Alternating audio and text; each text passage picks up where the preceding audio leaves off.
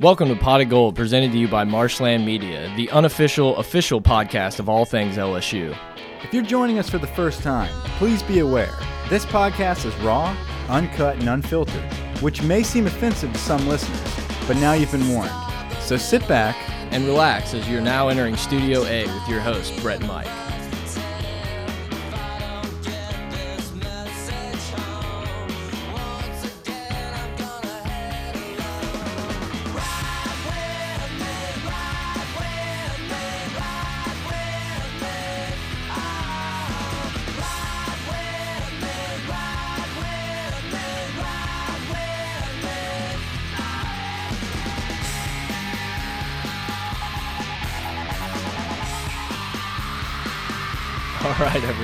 Pot welcome back. I'm Brett. I'm here with Mike.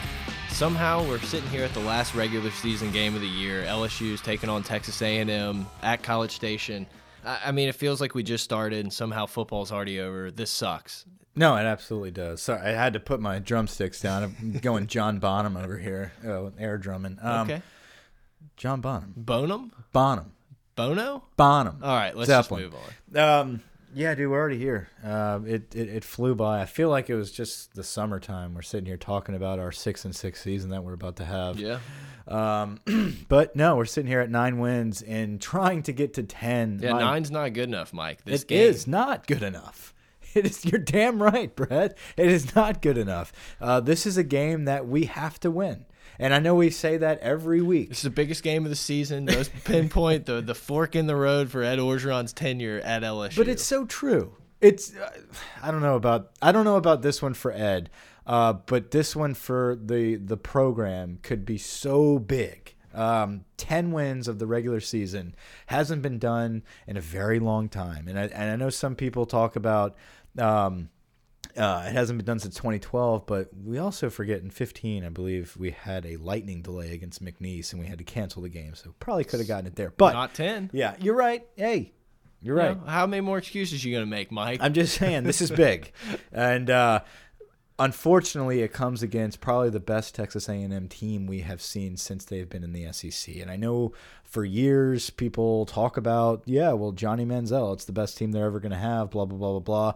This is the best team, and you mentioned it in our storyboard pod. This is the best team A&M has had against LSU. yeah, it's definitely the most equipped team to beat LSU. I'm just not so sure I'm gonna say it's their best team, but either way, I think this team is just better suited. And, and you know, hats off to Jimbo Fisher. He's come in there, and you know they haven't won all their games, and they're doing a little bit of a rebuild, but they're a different team than they were with Sumlin. I mean, they're a lot better in the trenches. Their run defense is something we're going to talk about a lot today.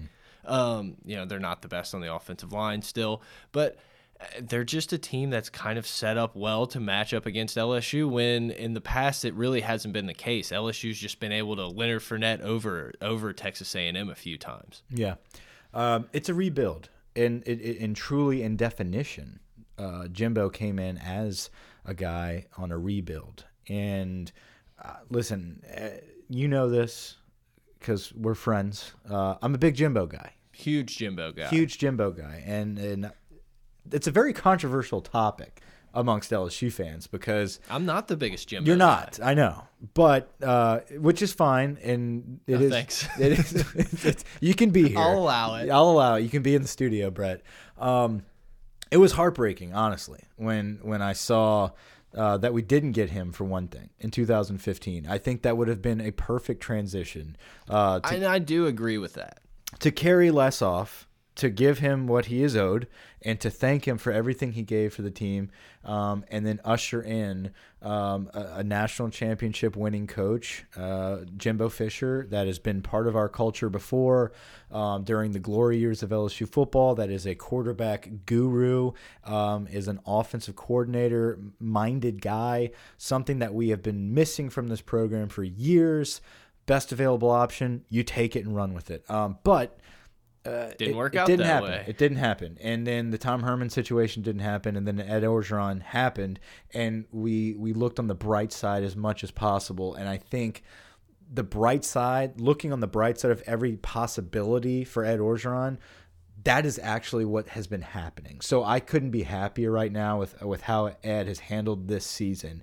Um, And at the same time, this game is going to be huge. You know, if our offense comes and lays an egg, it seems like you got to kind of look around and say it didn't work out. Yeah. I, you know, I, I hate to be the guy that sits here. You know, obviously the internet does it for us, but it's just, man, LSU's offense, we don't really have an identity this year.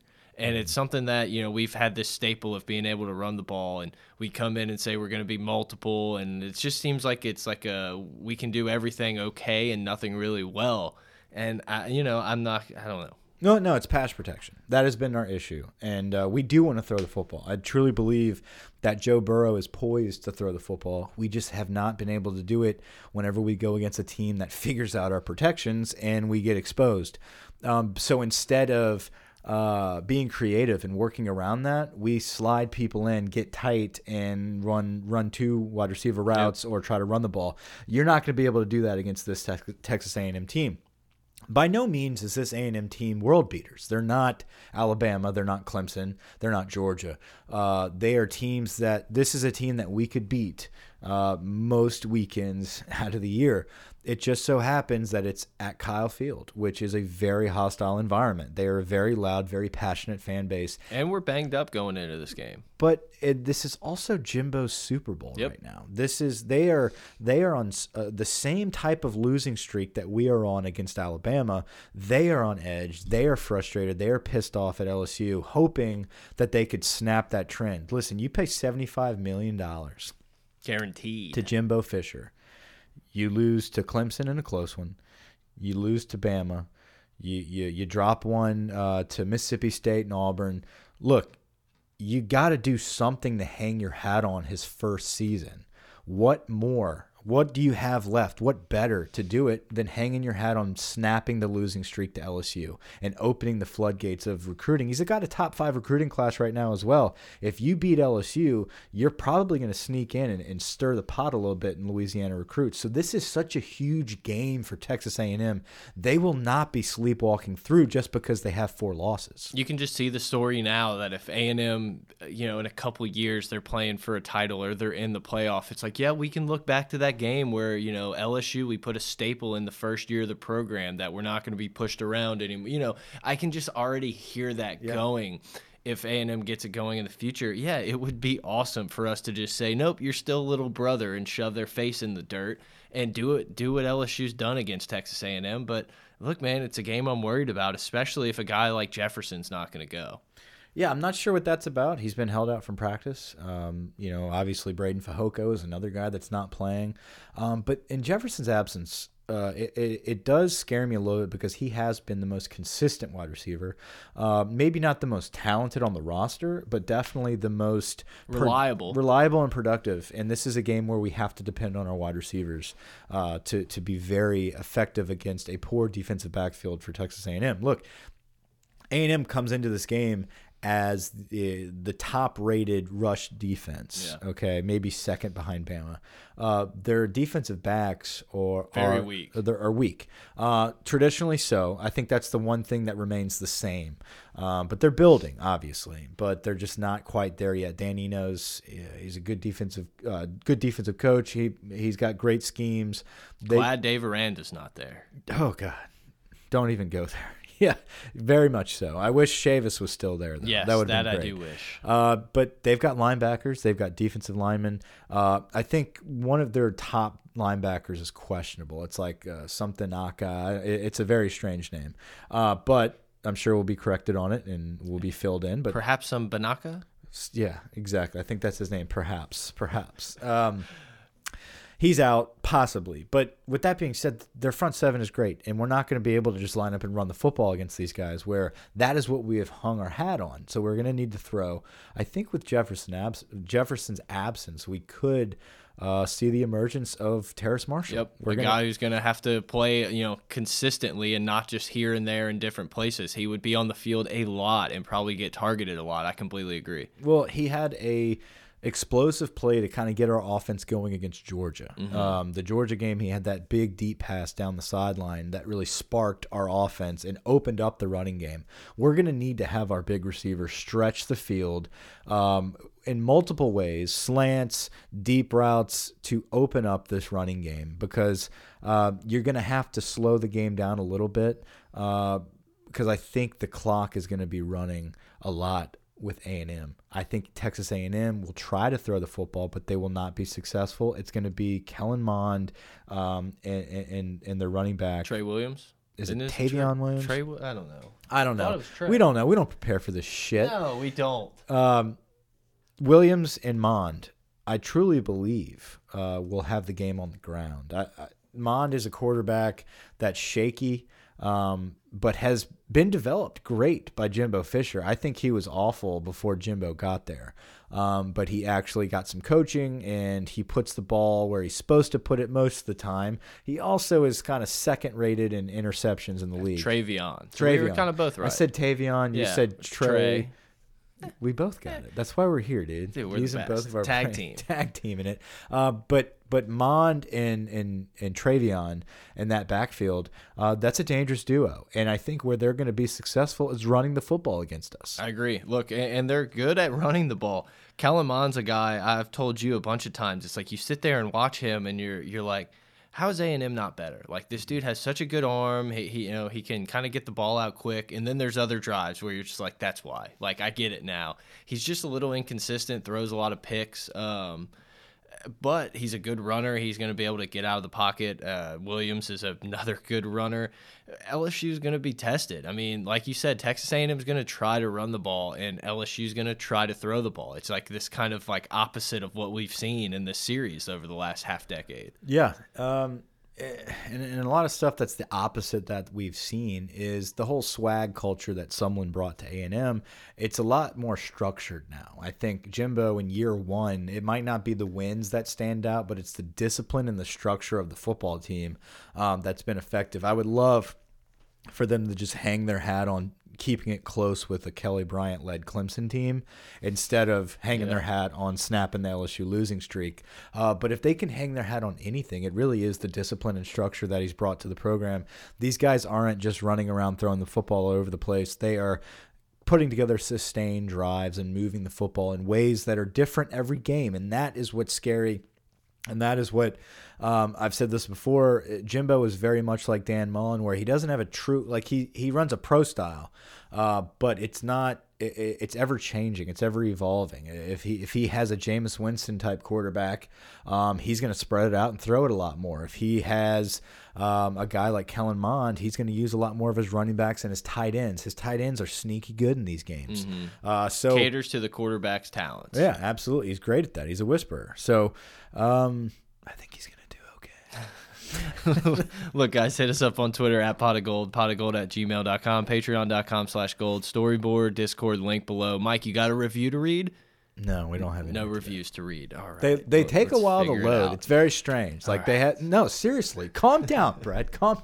They take a while to load. They take a few days. So guys, obviously, if you're first off, I, I want to thank everybody for for dropping some reviews. Um, this has become one of the best segments we have. It's really fun to read them, um, and it's it's gotten the ball rolling of getting our iTunes rating out there uh, because of you guys' reviews. We have a lot more listeners now because iTunes is pumping it out a lot further. No, we're not getting paid by it, uh, so don't Yet. don't think that y'all are doing that for us. Uh, but it's really cool to get the feedback, um, and and we really enjoy reading those. So keep them coming, um, and they take a little while to load. So if you've put a review down like four days ago, we'll re read it probably next sometime next week. Hopefully, hopefully, maybe there's no more reviews ever. I don't know. No, that's bullshit. There's always reviews. There's always reviews. So let's talk about the game here. Um, we kind of glossed over how we feel. I guess basically the basic um, keys to victory for LSU. Um, our defense is going to have to stop their running game. I, I'm not worried about them throwing the football on us. We have gone against Ole Miss, Auburn. Uh, we, I just don't worry about our defense in general, man. well, I'm just I am I am a little worried about their running game. I'll yeah, look, I- I'm not saying that it's going to be a shutdown thing. I just, once again, I just don't think we're going to be sitting here doing our post game saying, "Oh, we just couldn't stop them." I think if we're sitting here in a loss, we're talking about how we couldn't score enough or we couldn't protect well enough. You know, I just, I, yeah, I I just trust Devin White, Phillips. I trust these guys.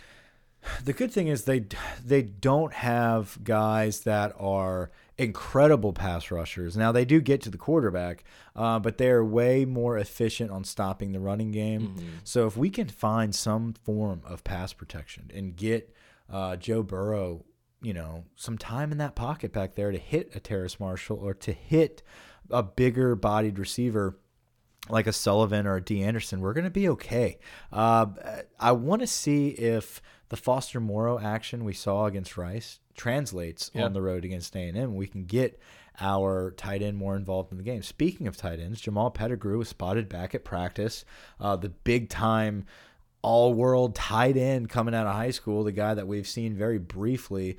It was a, looked like a stud in the spring game, was a stud all summer, um, but tore his ACL right before the season started. So a big blow before the year. Speaking of tight ends, Thad Moss had surgery. Yeah, and the mystery. Oh, he's alive. That's that's what it was. We didn't know if he actually existed, but he had surgery. and We saw a video. So Thad Moss is alive. He exists. Any other tight end news? No, um, Okay. well, I'm just saying Pettigrew's back, Yeah. and he could be available in the bowl game. So that's That very be interesting. interesting. Yeah.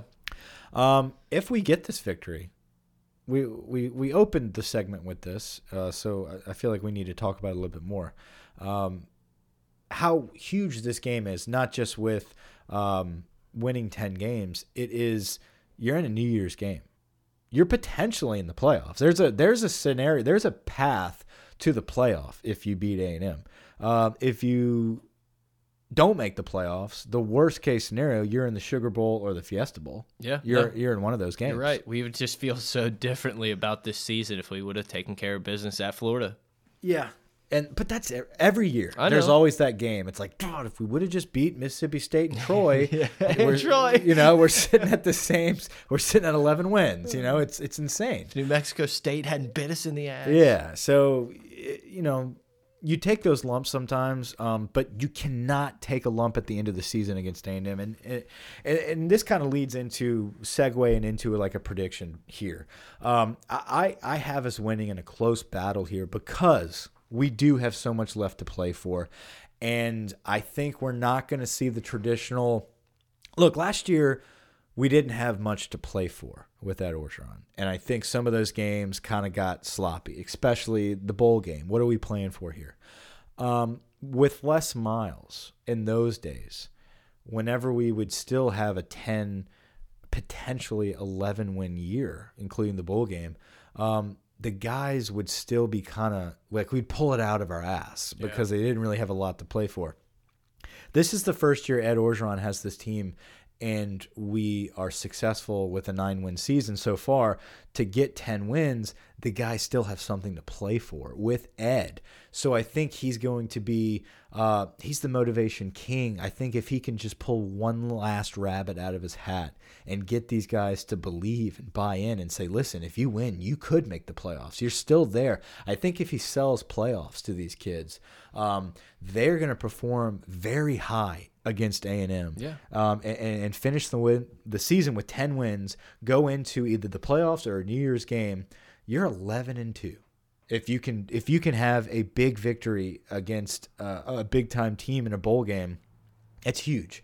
That the program, some people would claim, is back on track. You you are back to where you're supposed to be. If you lose, if you drop the ball against A and M, where are we? What I mean, what has changed? That's going to be the narrative if we lose. What has changed? Nothing. Yeah. Nothing has changed. If you beat A and M, everything has changed. If you lose to A and M, nothing has changed. Yeah, and look, I think so many times LSU kind of went into that post Thanksgiving Arkansas game to end the year, and it just looked like they didn't care or sluggish. You know, they they oh they ate too much turkey is what you know the, always the Gary Danielson joke. And I don't think that's going to be the issue. I, I think Ed's going to have these guys ready to play. I just think we're going up against a, a team that matches up really well against LSU, and they're going to be very hungry for a win. And it's just can LSU execute? Can LSU go on the road and take care of business? And like you said, if not, it's like I don't want to say it's a failure of a season because it exceeded a lot of people's expectations, but also you got to look at it and say maybe we're not really on that exact right track that we maybe thought. You know, do we have to look at wh why are we losing these games? Is it because we can't stop anybody? Is because everyone knows what we're doing? Like I, I don't know. You have to take a look in the mirror and kind of figure out what to change going into a year where you're gonna have a senior uh, Joe Burrow with a lot of talent around him. You're going to have a defense that's going to have some guys back, maybe some guys leave, maybe 40 of them stay at home. I, I don't know what's going to happen, but you know, next year could be another really good year where LSU is predicted top 5 to start the season. If you can get a win and kind of have momentum going forward into a bowl game and into the offseason, into spring, into National Signing Day, everything. Yeah, and that's coming up quick. That December quick. signing period is, is moving quick. Can't wait to to dive deep in that one and, and check out some some of these top flighted guys that we have signing for us. But it's all for naught if you can't really get the wins. And I think we've got dudes. We've got players this year. Um, we've been able to make it work uh, this season, and I would really love to see us finish the year on a high note. It's going to be a very close game. It's going to be a battle. I think if we play our A game, uh, this is a three to seven point victory. I agree. Clemson's the, I'm pretty positive the only game they've lost at home this year was that Clemson one where they had every chance to beat a team that's going to be in the playoff. Yeah. And, you know, the thing some people are saying, well, you know, their season's over. They have nothing to play for either. No, A&M will be very up I for agree. this game. This is going to be an environment where our guys have to be on basically you're going to have to picture a it's it's going to be the Auburn game but at night. I agree. That that's that's what we're going to be playing. I think it's going to play out very similar. It's going to be just like the Auburn game. It's going to go down to some some some field goals there. I think Cole Tracy is going to have to hit multiple field goals to win this game. Um, we have to capitalize on every throw. I think we're going to have to catch the ball efficiently. We cannot have any drops. Um, the O line is going to have to play the best game of their lives. That th basically the game is on the O line. If they can protect, uh, if they can open holes for Clyde and Brossette, we win this game. If they can't, we're going to lose. Yeah, and, and man, Texas A&M's defense is really, really good on first and second down. They're one of the leading teams in the country at getting teams into third and long. LSU is one of the worst teams in the country. I'm talking like 120 something out of the 130 teams in third and long. So it's just that's something that you have to do. LSU has to stay, uh, you know, ahead of the change, stay on schedule, uh, be able to pick up three or four yards when it should be a tackle for loss. Uh, it's just it's a it's going to be a big game, and I, I agree. I think it's going to play out very similar to that Auburn game where it's very hard nosed, a lot of punts, field position, and uh, back and forth who who steps up? What team makes more plays? LSU was the team that made more plays at Auburn. Mm -hmm. Can we do that again in a pretty? It's gonna be. I mean, you're gonna be in attendance. Mm -hmm. You're gonna be there for it. I think it's going to be as good an atmosphere as LSU's played in on the road all year. It will be a pretty hostile environment. Um, I'm very excited to be there. Uh, I will be with my in laws who are all Aggie fans. So uh, my wife and I will be the only ones wearing purple and gold in a sea of maroon, uh, sitting in the end zone. Yell leaders. That's you. no. So uh, we're, we've got really good seats, and shout out to Uncle Kyle, uh, my wife's uncle. Uh, Kyle will be taking us to Kyle Field uh, to experience a great night um, in College Station. So I'm, I'm really excited about it. I've been before, uh, but this was a while back before they joined the SEC. This was uh, just a random A&M game. We went with some friends, um, but I have not seen the expansion. I have not seen them since they've joined the SEC. Um, this should be a fun, hostile environment at night. Um, I, I, do think LSU takes care of business. I think there's just so much on the line, so much at stake, um, and this this season has just been such a great year uh, that I I don't want to think that the Bama game was truly the last nail in the coffin for us to kind of just be hushed and, and not have a, a good fight back. Um, I think we were tired. I think the giant um, momentum was silenced a little bit whenever we lost to Alabama, um, and and we had some some hiccups after that. But since then, and when I say hiccups, uh, just no real explosions yeah. on offense. Um, I, I, I think against Rice we were able to work on some things, and it's Rice. So I'm not saying oh we did you know we were we able bullied them around. So No. get ready. right. Uh, that's not what I'm saying. My my point is um, you could tell the guys were working on things that were focused on execution and catching the football and and really holding themselves to a high standard because they know what's coming up this week. Uh, I, I I really think that this A and M game.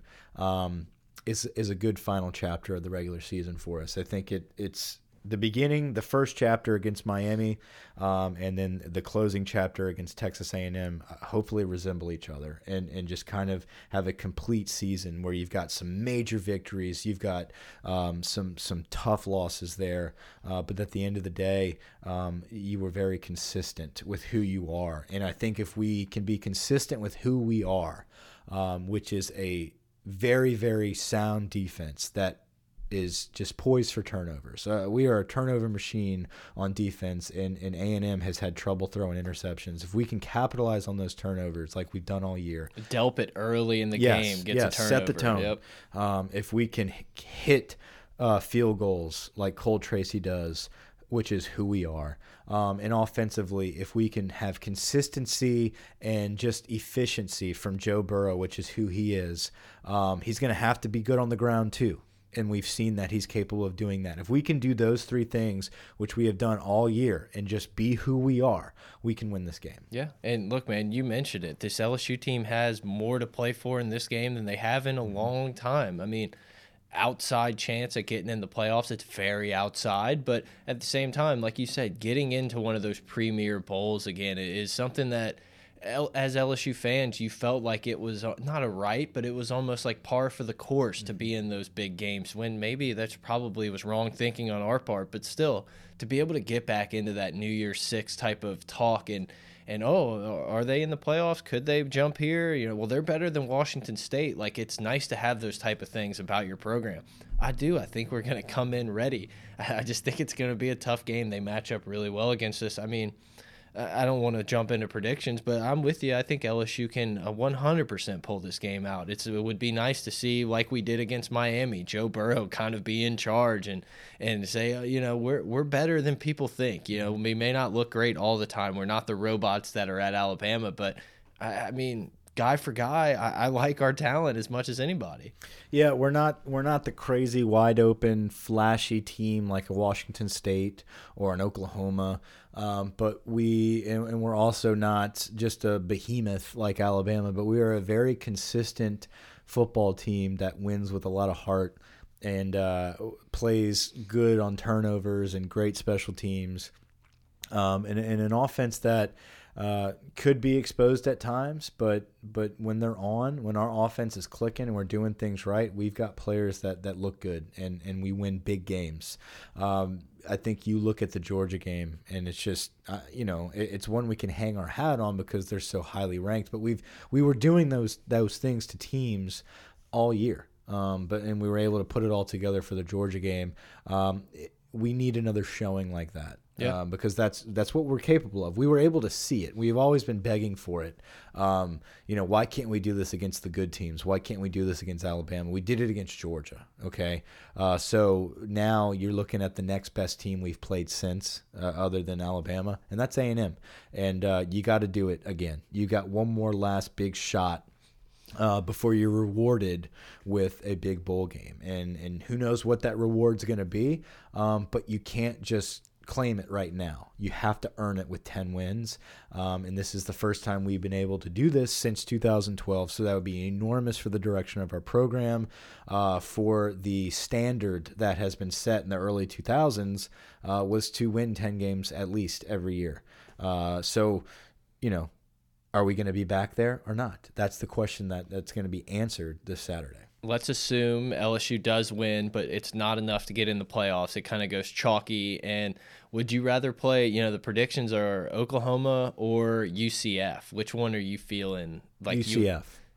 I, this is the reason why. Um, Oklahoma that is just going to be a boat race. It's going to and and they have a good boat. You know, I mean, it's it's one of those deals where they can score every time they touch the football. I do think a bayliner, if you will. yeah, uh, I do think they would have. That's not what I consider a big boat. uh, that, that uh, but their their offense is just so productive that um, I, I, would get worried a little bit. Uh, where UCF I feel like it's not last year's UCF team where it's like, oh god, this is gonna be a boring game. It would be like, okay, you guys are really gonna try to convince people year two that you y'all are undefeated, y'all are the team that y'all deserve to be in this game, and it would be nice for LSU to be the ones to shut them up.